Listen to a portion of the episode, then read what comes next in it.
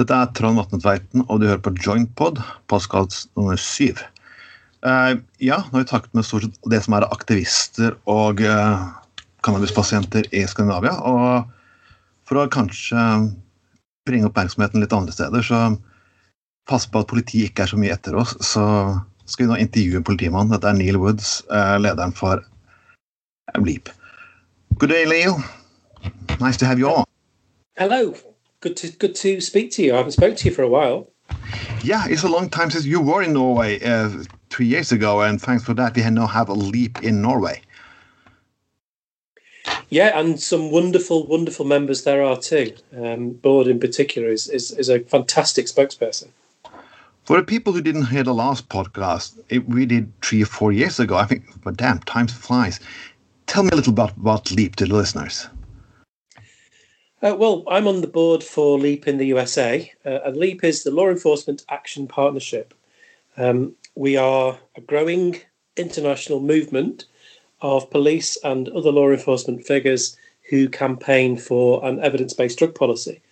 And the advantage I think that we bring to the drug law reform uh, debate is that people listen to us because we've been there. You know, we're the people who've been given this bloody awful job of fighting this war on drugs. And, and, you know, we're, we're here to tell the public that it's a disaster. It's causing massive harm to individuals and society and corrupting entire nations. So, so, um, so, so that's what we do. And we, we you know, we, we found ourselves uh, duty bound to do so, really, a lot of us, because of the harm that we've caused when we were still police.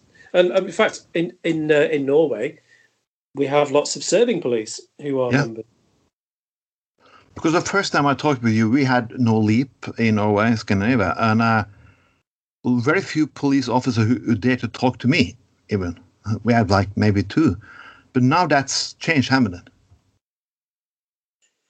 Yeah, well, that's that's what we do. We we we bring the debate mainstream. We make it mainstream, and also we give courage to those police who've been considering um, reform, drug policy reform, and it gives them you know the strength to speak out because they know that they're not alone they know that they are part of a growing international movement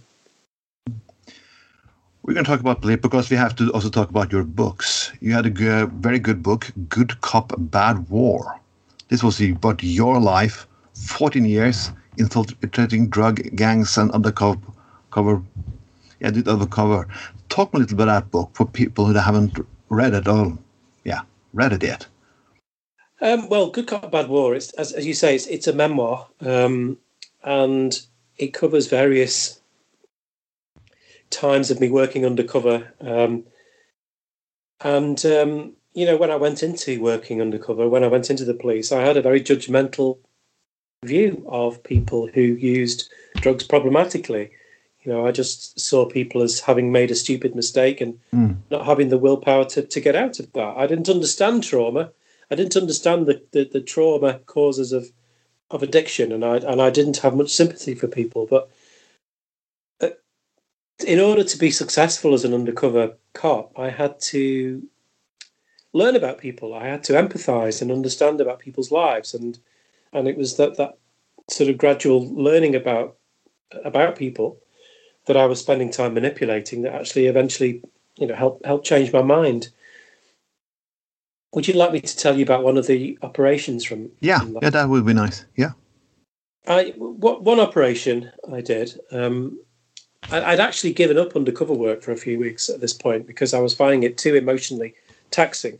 One of the people I had manipulated um, on an operation ended up being suicidal.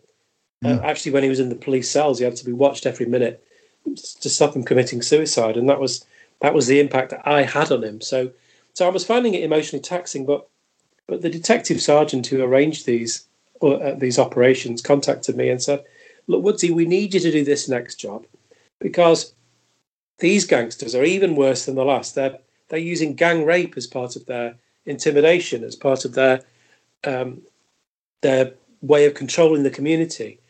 You know, they, they were doing the normal kind of gangster stuff like um, like kidnappings and maimings and shootings and that kind of thing, but they were also using sexual violence. So, oh. I went to this te- and uh, the the gang is very a very infamous bang, gang called the Burger Bar Boys, who operated out of uh, Birmingham. So I went to Northampton and I, I manipulated some problematic heroin users into introducing me to the inner circle, and eventually I got close enough to the six main gangsters that I could buy, buy drugs off them, and it, they were they were genuinely terrifying people. One of them was implicated in seven different murders in, in Birmingham. Yeah. And one one day they actually snatched me off the street, put me in the back of this people carrier, this van, and uh, took me to this secluded place. And they said, "You're drug squad. You're five zero. You're heat man. Strip." And so they they made me strip, uh, and they showed me a gun to make sure that I was under no doubt that I had to do as I was told. And so you know, it was a it was a scary job. Uh, that one. There was so so many times I thought I was going to get killed, but eventually, after seven months of work, I gathered had gathered evidence against the six main gangsters and uh, 90 other people. So there's evidence against 96 people who were going to be arrested. There was staff from five different police forces brought in to uh, because it was such a huge operation. And you know, at the end of that operation, I knew there was no one else to meet. I'd go, I'd got all the phone numbers, I'd met everybody involved, and so I was quite confident that uh, on this operation, we were going to completely shut down the whole the whole scene, the whole drug dealing scene. So after the dust had settled, the officer in charge of intelligence spoke to me. He said, "Yeah, we managed to interrupt the drug supply in Northampton for a full two hours. Two hours. Two and how hours. much money did you spend on the operation? Well, seven months of work, huge support network around me, um, police from five different counties. I thought I was going to die on at least two occasions, all for the sake of interrupting the supply for two hours. Two hours. if, if, if you're a problematic heroin user, that's not even enough time to withdraw from heroin. You'd need at least four hours for that. I would talk. I would say all the money you used on that. How many places you can, uh, hospital places you can use to to treat those people? It would, how much you can use for social work and so on, because this is stuff part about millions of pounds. It isn't. Yeah, exactly. It's a hu- it's a huge amount of money. Uh, It's policing drugs is the biggest. It's the most expensive part of a police budget. There is absolute fortunes being spent on this, and clearly for no benefit at all. Now, I, I can't say with any certainty that it was the Burger Bar Boys' uh, infamous rivals, the Johnson crew, who took up that opportunity. But you can sort of picture the scene, can't you? The Yeah. rival gang are all sat around. Um, sharing a spliff or a bong, and they, one of them gets a phone call, and he's, he's he's jumping up and down, celebrating, saying, "Put the call in. We're going to make a fortune. Look what the police have done for us." And and that's the reality of police activity like this: is that it just creates opportunities for rivals. That's all it does. And you know, I didn't. It it took a long time for me to understand. It took a long time, really. Uh, I was a bit slow on the uptake, but you know, once you see it clearly, it's not even that complicated, is it? It's No. not complicated. The the police are really, really good at catching drug dealers. We are really good at it. Yeah. If if you give the police twice the resources, if you give them twice as much money, they'll catch twice as many. Mm. But that but it still doesn't make any difference because the police never reduce the size of the market. Never. But police do change the shape of that market. And that changing shape is is is worse each year. You know, it, it gets gradually worse, it gets more violent, it gets more monopolized, it causes more corruption with every passing year. One, one, one thing I, I've been working in social work and I also been a security guard for many years. So what I observe is also who they arrest for drug use. Because I can pick out the people on the streets who will get, who can, I mean, danger of getting caught by drug use. But I also see a lot of other people who use drugs who never get caught at all. I was smoking cannabis and so on in the 90s when I lived in my hometown. I was never caught because my family was up the ladder But people who are down on the ladder, they get always get caught. Isn't it like so, social? Yeah, I don't know what you think about that, but that was my observation. Is that is there some, some truth about that? Yeah, absolutely. Of course, it, it's um, th- there's a massive social inequality in the way that drug laws are are enforced, and you know it's it's a basic truth that um, economically deprived people are more heavily policed in any regard. But of course, the easiest way, the easiest laws to catch people and criminalise people with are are drug laws. And as as you say, you know, um, people who have wealth or a, or a middle class background that they don't get caught. They don't get caught. But people who are already marginalised and struggling, they do. And you're not the most ethnically diverse uh, mm. nation in, in Norway, are you? But it, places like the UK, this plays out most horrifically um, for people who are not white. So in the UK, you're nine. If you're black, you're nine times more likely to be stop searched for drugs than a white person. Nine times more, and black people don't use drugs more than white people.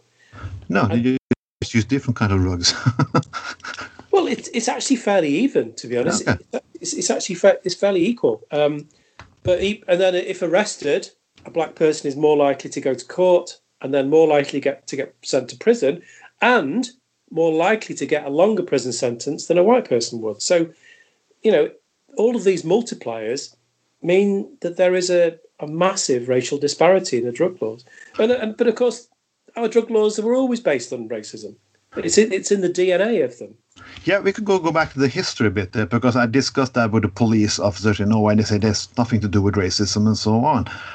But there's two things I often hear like when you're talking about drugs, those damn hippies, who's like the big, biggest argument they got, and culture. But the drug laws was started in the first place because of racism, because if I'm not mistaken, because marijuana was used and cannabis was used as medicine before. Cocaine also was used. Yeah, even books about it and songs about it. But those drug laws come much later. Why? Yeah, that's right. I mean, dr- drug laws, our, our international drug laws are essentially United States domestic racism exported around the world through aggressive foreign policy. Mm. We we are the whole world is suffering the hangover over American domestic racism. So, as you say, cocaine wasn't seen to be a problem until Southern black people were seen to be using it, and it was a way of con- a way of attacking and controlling them. Uh, after the after the you know with the Jim Crow laws mm. and the the racial segregation. Uh, op- opium opiates wasn't weren't seen as a problem until Chinese immigrants were seen to be taking white jobs. Cannabis wasn't seen to be a problem until the Great Depression when Mexicans were seen to be stealing white jobs. E- even alcohol prohibition was about prejudice. Okay. It was the it was the Protestant puritanical political base uh, yeah. being very suspicious of immigrants from Italy and uh, Ireland, where those Catholic populations were seen to be the, the people who used alcohol.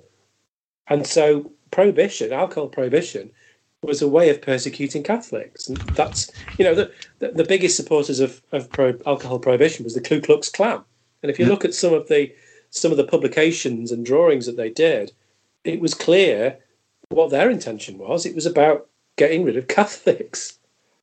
Wow.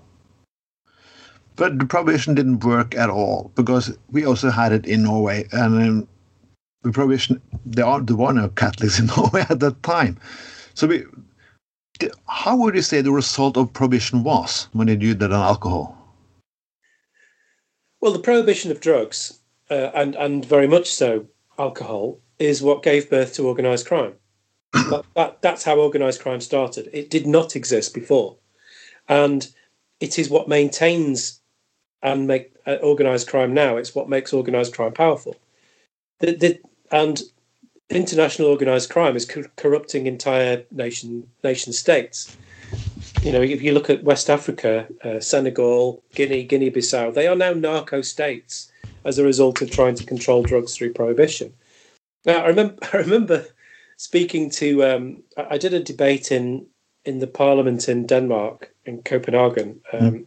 against some senior police and I, and I started talking about the corruption and the inevitability of corruption and And and he rather disdainfully said to me, "Well, yeah, but we're not as corrupt here as you are in the UK." And, okay. and that that arrogance, I, have I've really picked up on um, right right across Scandinavia. To be honest, I've had the same thing in Finland and in Norway. Yeah, I definitely know it. That, that this is a that this is a that this is a UK problem. This corruption, or it's other countries.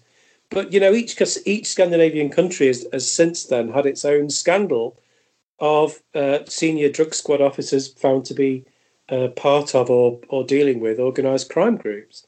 Uh, you know, the corruption in the as a result of prohibition is inevitable, and you cannot defend against it.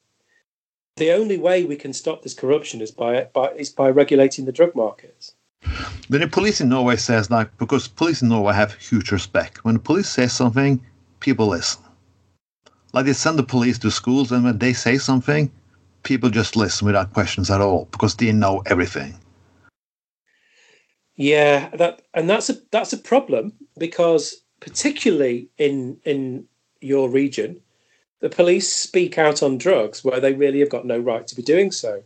Uh, we we've stopped police here have, have sort of stopped doing that. We there's a there's a ban on police going into schools talking about drugs now. It doesn't. It's a ban in Norway. They have like the Norwegian, like they call drug police organization who goes to schools, have big meetings in town halls and so on, and they have no debate because they're not they're not allowed to ask critical questions about them. You don't have that element. Is that just a Scandinavian thing? Uh, well, it used to be a it used to be a British thing as well, but we we do not send police into schools to talk about drugs anymore. That is that is absolute police policy because it has been realised that this is dangerous because police are not qualified ever to talk about something which is a health issue. They're not qualified, and the information that police are giving is actually counterproductive because it's counter to harm reduction advice and is therefore a huge risk to young people. So police should go nowhere near schools on this topic. You know where they go to schools and said, if you don't behave like this and like this, you're gonna you're gonna use you're never gonna get a driver's license. We're gonna do this and we're gonna do that, and people say like, since the police they use the argument like since the police see all the tragedy, they had the right to say that. Yeah, well, well, they well they don't because there's no foundation in evidence to the kind of things that police say to children in schools about drugs, and that, that's that's a that's a that's the truth everywhere. Um, so it just really shouldn't be happening. And and I was certainly next time I am in Norway, uh, and I hope that's not too long. I would certainly love to speak to a journalist and and and get that out as a headline that this should not be happening. You have been in Bergen. For people who haven't seen it, we have the video. I'm going to put that in the description under when he was in Bergen. It helped and it was good.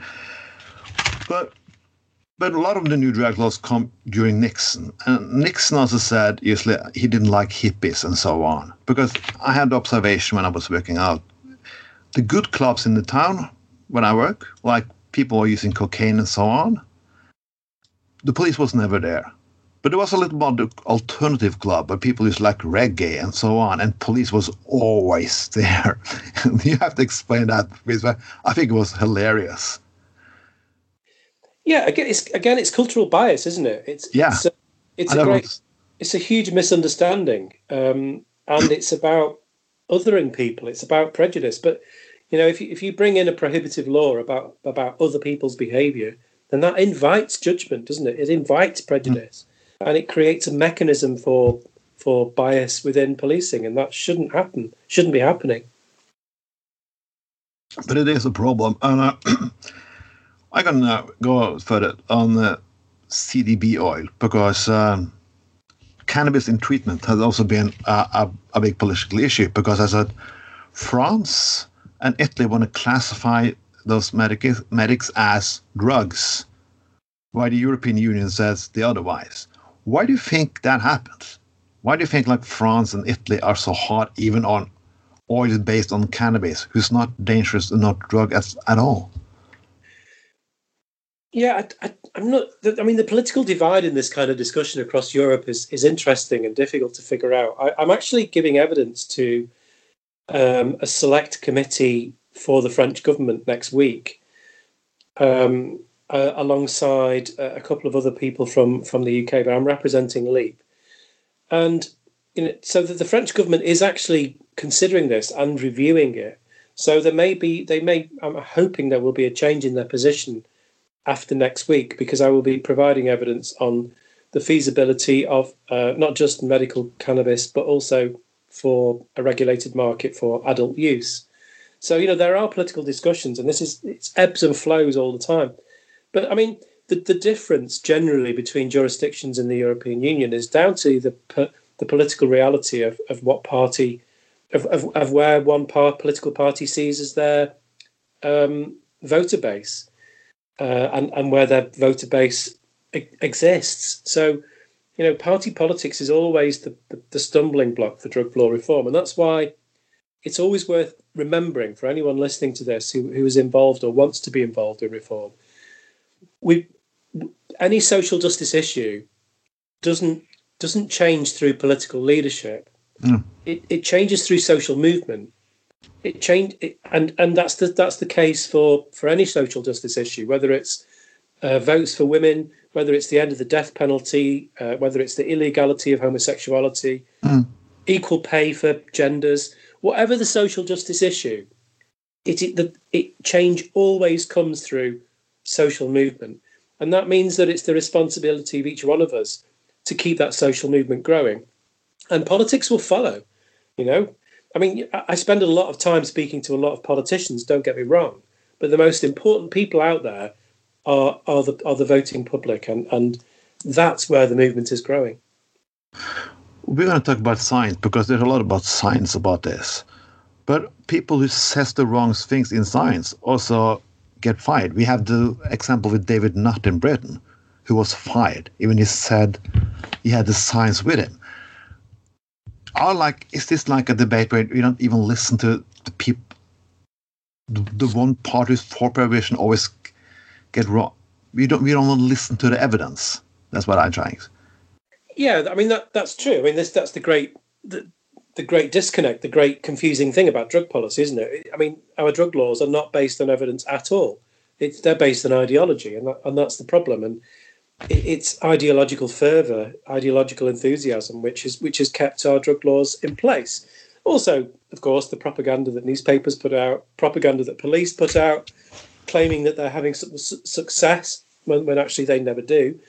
Um, but uh, the, the, there's a start. There's, there's there's the beginnings of listening to evidence. But I should point out, David Nutt, he, he's he's a he's a friend of mine, and obviously yeah. he's, a, he's a co he's a he's a great fellow activist and and a hero of our cause. But bear bear in mind that if he hadn't been sacked and if he hadn't all, had all that huge amounts of publicity, then the social movement wouldn't have grown the same because he he he has become such an important uh, focal point for the for the movement, uh, not just in the UK but around the world, and that's happened really, you know, because he was sacked because because he is able to publicly use that narrative that politicians are not listening to the evidence and you know a lot of people have been won over um, to reform to, to, the reform movement because of his situation mm. and how he and how he very cleverly actually very cleverly made the most of that situation by setting up his organization drug science um, you, you know including many of his colleagues um, for his networking in academia. You know, he, he's doing an amazing job, yeah, which he just wouldn't have been able to do if he hadn't been sacked. but, but one of the arguments is also from because in Norway we had those parent organizations too. It says like if you said legalization, you also said you have no empathy for people who die of drugs. That's the main argument they always use, and it always seems to work. Social Democrats are using it, Christian Democrats are using it. What do you have to say to that? Well, it's a rather twisted way of looking at it, isn't it? I mean, if, if they've really got empathy for people who die from from um, from drug overdoses, then they would want to use an evidence-based policy to save lives. I mean, it's ludicrous. It's, it's morally twisted to actually use that line because evidence clearly shows that if you if you treat if you treat drugs as a health issue rather than a criminal one, less people die. Yeah. You, know, you, you only have to look at the example of Portugal for that. They had the highest drug deaths in Europe, and now now they've got almost the lowest, and they managed that over only uh, a 20 year period. Well, actually, mm. that they, they did it within within five or six years. They'd made that much of a of a difference, but you know, it's 20 years ago since they decriminalised, and they have a fraction of the drug deaths of anywhere in Scandinavia or or the UK or, or, or actually the rest of Europe. Theirs is a huge success story with very clear evidence. So it's it's it's morally indefensible for the Social Democrats or Christian Democrats to use that as an argument. Yeah, uh, but how do you want to regulate drugs? That is, people always say, like, how much people do you want? Because that is the big issue here. Do you want to sell in the shops? Do you? Because I see, I see regulate models they have from the United States where you can nearly buy candy with cannabis, and I'm a little bit skeptic towards that. But how do you want to regulate it? Well, I mean, you have to break it down into individual policy decisions, and so each each drug has different regulatory requirements. Yeah. Uh, obviously, the more risky drugs need a stricter re- uh, regulatory regime, and those that are less risky need need less controls. But I mean, cannabis, for example. I mean, cannabis is will will be the most likely first drug to be regulated in in in um, in your region, the same as the UK, and you know, I I, I agree with you. I, I'm not very fond of the laissez-faire, purely capitalist way of doing it that some American states have done. I would I would have an I would want to have an, a policy emphasis on public health. So I would ban advertising. I would not allow mm. branding. I would um, have clear, uh, clear um, regulated doses. You know, amounts of THC clearly labelled. Um, mm. And the most important thing, of course, is that this is a child protection issue. Our children in any European country or any country around the world can get hold of cannabis easier than they can alcohol. They can. So, so this is a this is about protecting children, and the best way to do that is to have a, a requirement for photographic ID to make sure that underage people don't buy it. And you know the evidence is very clear from the United States and Canada and Uruguay, where they have regulated, that underage consumption has gone down. It's a success story. Yeah, let's talk about Canada because there have been mixed reports here in here in Norway in the media. Some claim that they make it worse. Some also claim that they haven't got rid of the gangs like they said they would. What? You, but you know more about Canada than me, so let's talk. To... Well, I mean, uh, basically, Canada, in some ways, is a disappointment. You're right; it is actually, in some ways, a disappointment because they have only reduced their illicit market by fifty percent. Yeah. But but that's 50% less money going into the hands of organised crime than, than, than before. So it's still better than it was before. And even though they've only reduced the illicit market by 50%, they've still had a drop in underage child consumption. So that's still a success story as well. But having said that, they could do better. And the mistakes they've made, uh, I'm glad they made the mistakes because we, we uh, as countries who haven't yet done it, can learn from their mistakes. Yeah. And there's there's interest. It's interesting actually. I spoke at the Labour Party conference um, in 2019, and, and there was a there's a Labour politician who is now the shadow spokesperson for justice, an mm-hmm. MP called David Lammy. And at that conference, he made the point that when the UK does um, regulate cannabis, the tax department should stay completely away from it not okay. tax it at all, so that the price can be kept low enough to completely undermine the whole of the illicit market. He said, because that's the main objective here.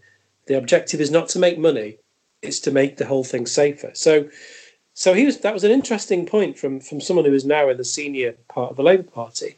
And and I and I agree because the mistake the, one of the mistakes Canada's made is that they it's almost twice the price of the street price of cannabis and twice the price. It's a wonder that that they have got rid of even half the market.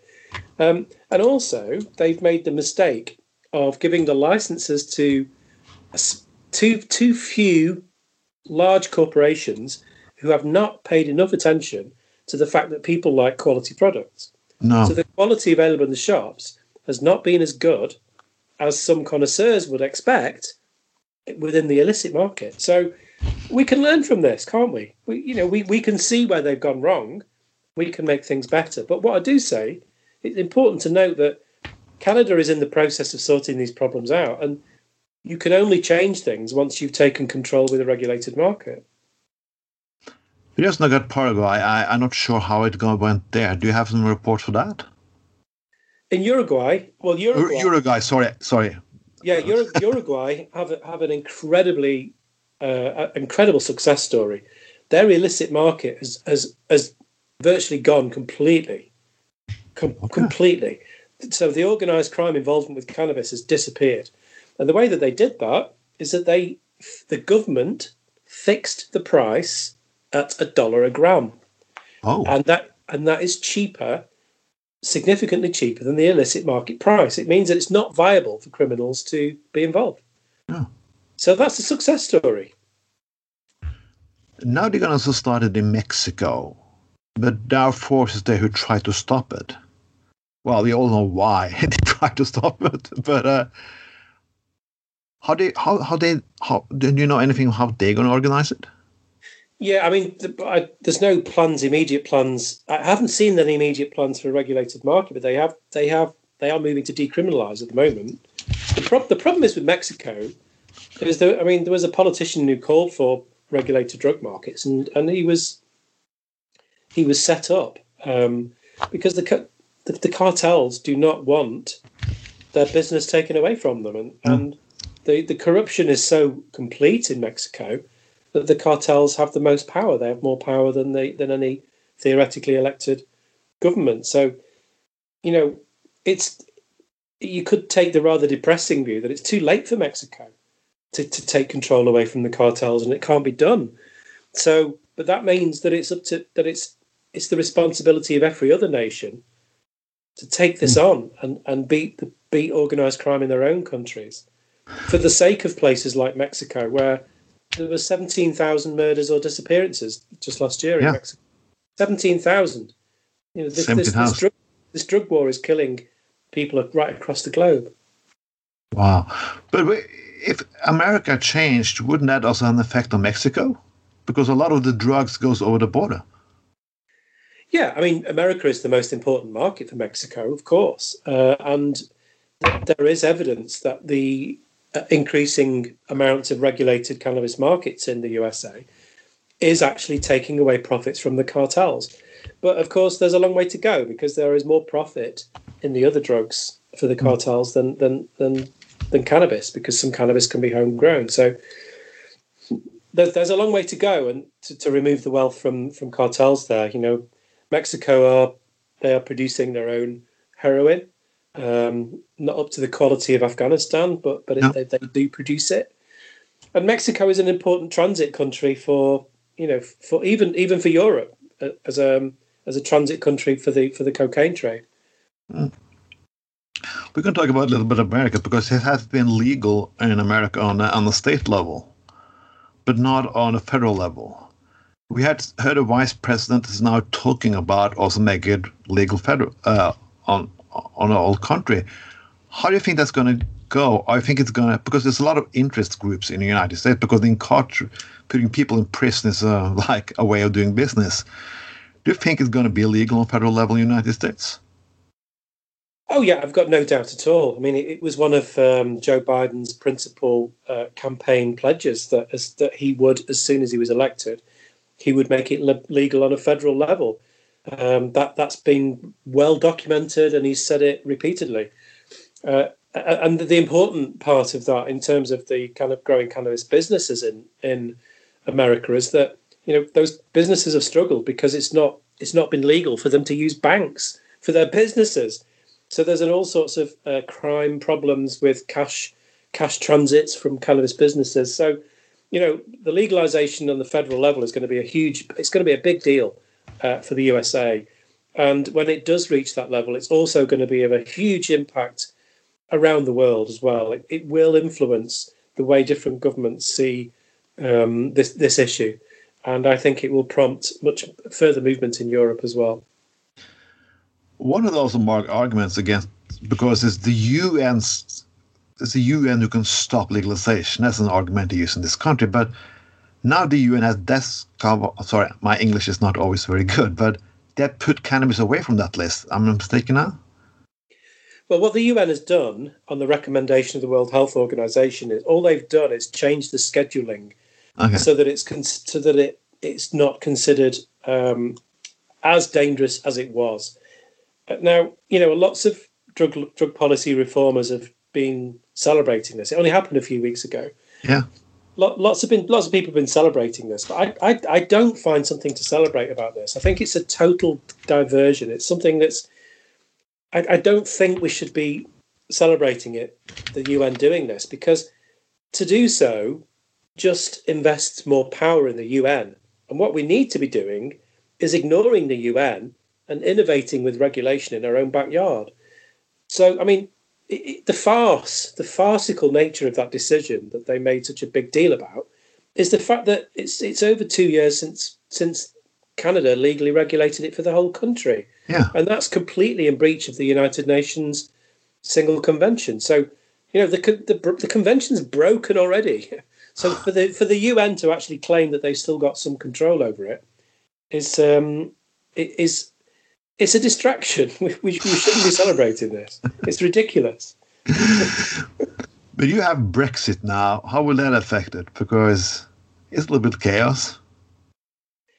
Oh, I I don't. I, am sorry. I just had to bring up the Brexit. Oh, I I know, but look, I I'm I, I consider myself European first and British second.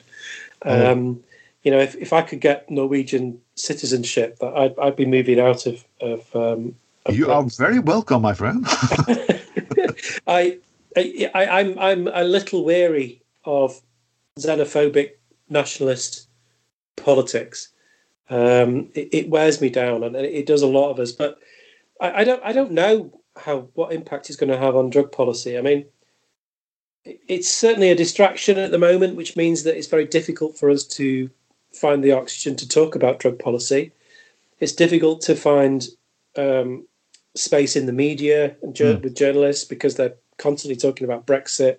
If they're not talking about the pandemic, of course. So yeah. it's a difficult time at the moment for, for drug policy reformers. It, it really is. But it's difficult for us to find the space to get movement on this. But in terms of our domestic politics, we do have some light at the end of the tunnel in that we have both within the Conservatives and the Labour, we have drug policy reform groups which are growing with each of those parties. We also have good, strong support from Plaid Cymru, which is the Welsh Nationalists, and the Liberal Democrats, the Green Party, and the Scottish National Party as well. So, wow. we, we you know we, we have good allies and growing support within each of those um, parties. So, you know, it's only going in one direction, but how fast that movement will come, I don't know. Because at the moment, we have the worst Home Secretary um, in probably in our history, actually, oh. on this topic. Um, so, so th- although things are getting better, we still have a, a government which is quite difficult for, for this topic we have reform work in Norway, but uh, we also have ability to get medicine, cannabis, if you travel abroad. And I have to pick, uh, tell you a little story here because this this is a story I confronted a lot of activists in Norway. During the pandemic, when it started, uh, the police and the customs said of the rumor that Norwegian patients was going to the Netherlands just to get medicine they can sell on the streets that what happened then was that a lot of Dutch doctors stopped subscribing cannabis to Norwegian patients. What do you have to say about that? Because I think that's a very cynical way of doing things. Because I, the cannabis pa- patients that I know, it would not be a lot of money then to earn by because the legalization, the process of getting medicine in Norway is so, so difficult anyway, and they use so much money on it to get there and back and forth anyway. What, what do you have to say when police and custom act like this?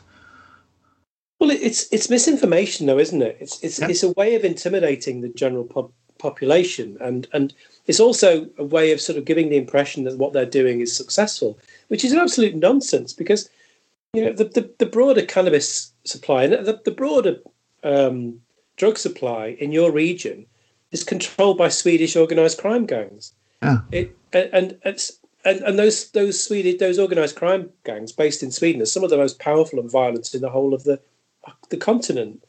And to, to you know they're not talking about that, are they? They're not. They're not saying. They're not talking about the, the, the reality that this, these markets are being controlled by um, extreme violence and even even improvised explosive devices.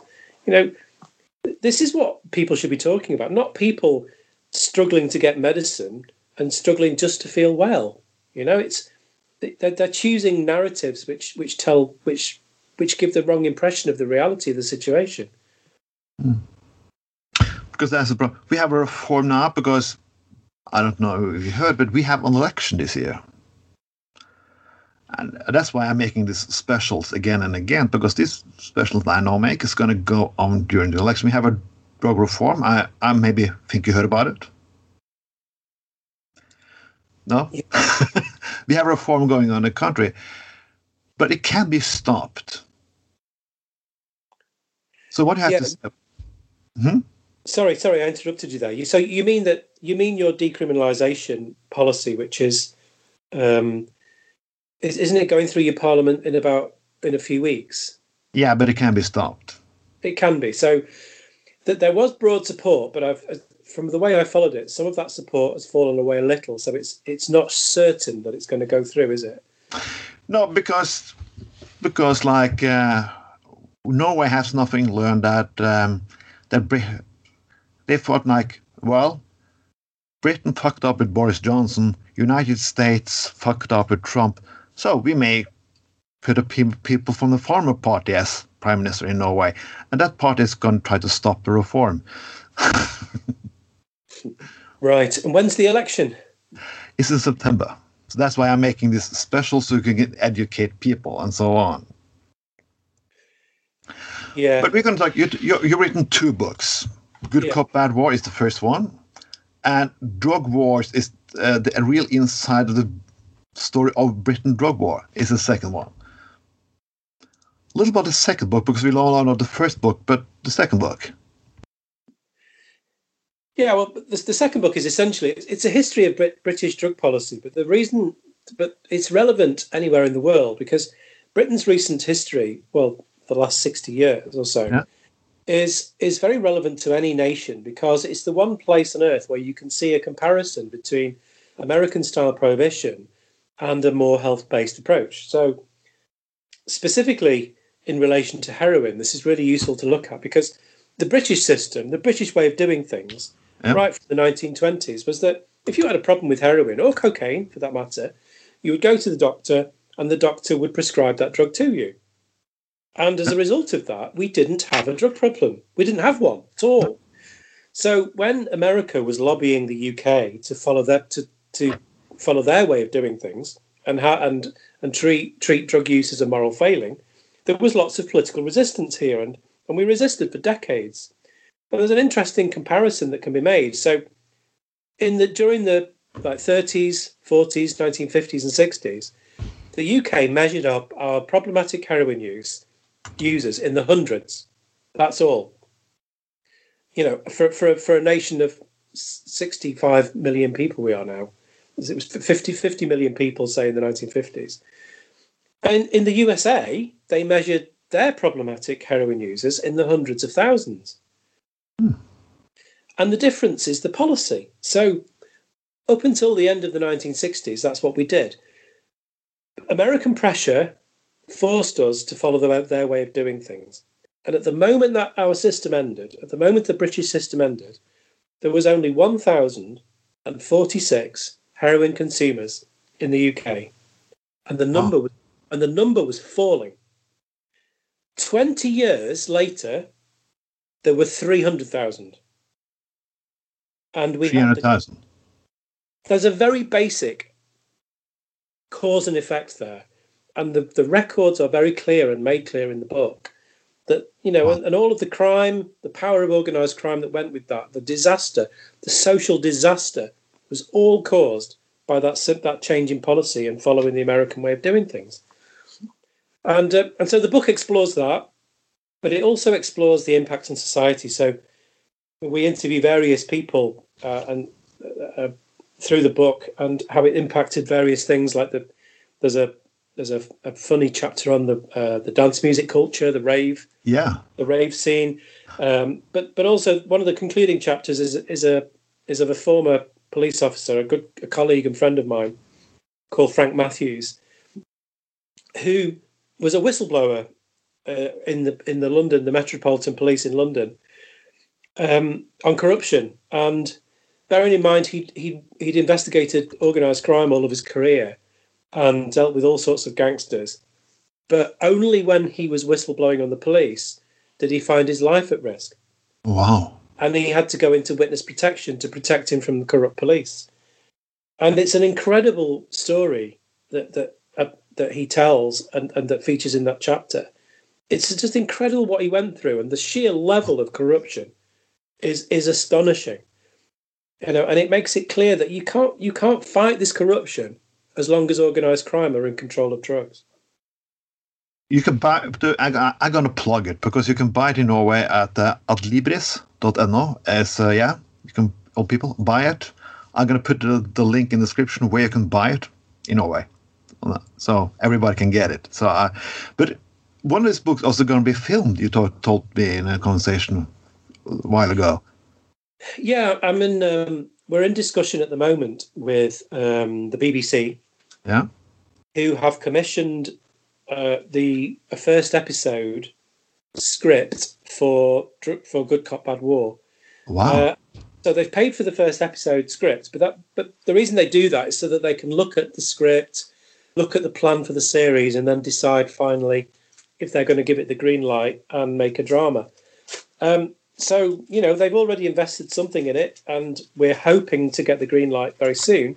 But of course, the trouble is at the moment is that the pandemic is slowing everything down, yeah. and also you know there's the there's everything has to be every organisation is making cuts. There's not as much money, so so decisions like this are being delayed. But but you know we've st- we've got this far, and we're optimistic still that that it will get uh, that it will get made eventually into a drama. And of course, you know, if, if the BBC is our biggest TV station here here yeah. in, in, the UK, and you know it, they they produce stuff that that gets seen all over the world. So it will be a it will be a big boost for the movement, I think, if it if it gets made.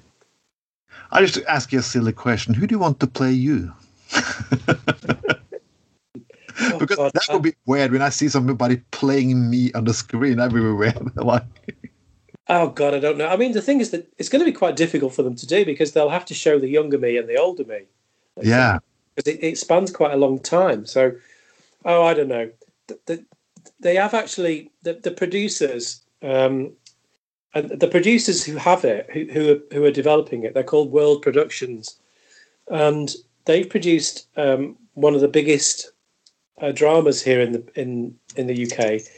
It's called Line of Duty yeah, and I do believe it's been exported over there. So yeah, it's, it, it's been on Norwegian streaming services. Yes, yeah, and and that is a fun.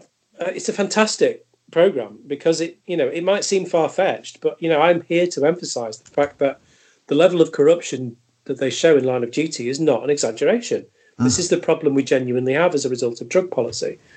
So so I'm pleased that World Productions have got uh, you know are in control of, of our of our project as well. Um, and you know, hopefully, hopefully it'll get made. I really hope so. I, I, I would love to see it. Uh, I met you and see you play somebody playing you would be a little bit strange. they have suggested names to me actually of people they want to do it. So, and that's weird.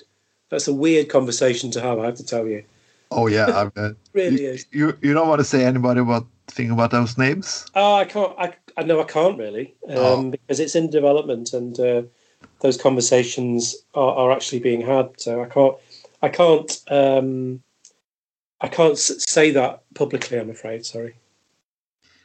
Well, we, we can be talking for hours because I love talking with you, and uh, I've been a big fan of your course, and um, and so on and so on. But we have to put it in the end there because yeah, uh, it's an election year. Um, as I said, 2021 going to be maybe a new government, but also new kinds of how we think justice politics in ours. So, what do you have to say to the politician and the police in this country? In like end speech here? I would say that any policymaker and police officer has a duty to the truth and has a duty to follow evidence in everything that they do. And it's time for police and policymakers to be honest and face up to the fact that they are not telling the truth. Wherever the police claimed success from a, a big drug seizure or a series of arrests, those police know that they have not reduced crime by that activity. It's time to face up to that. The police have evidence for that in their own intelligence databases. And, you know, I, I would love to get to Norway again before the election if, you know, if the pandemic eases and there's a possibility to do so, because I would love to debate any police, any politician who, who claims uh, different evidence. Um, because you know the evidence is in favour is, is, is on our side. So I would love to get there again if possible. Well, uh, we're to see what we can do. We're to see what you can do. I'm so glad to have you on, Neil. And I, I want to plug the book again. You can go adlibris.no, folkens. Der har de både Drug Wars og de har Good Cop Bad War. Uh, Drug Wars til 87 kroner, andre boken 103. Det betyr to gode bøker for under 200 kroner. I was just plugging a book in Norwegian. But uh, so nice to have you on, Neil. Yeah, it's always good talking with you, mate. I do hope I can get over there and share a pint with you and catch up soon. You will. Dette her var, dette her var Joint Pod, podkast nummer sju. Vi hadde Neil Woods. Og spre og lik og del denne podkasten til flest mulig, folkens. Så snakkes vi neste gang.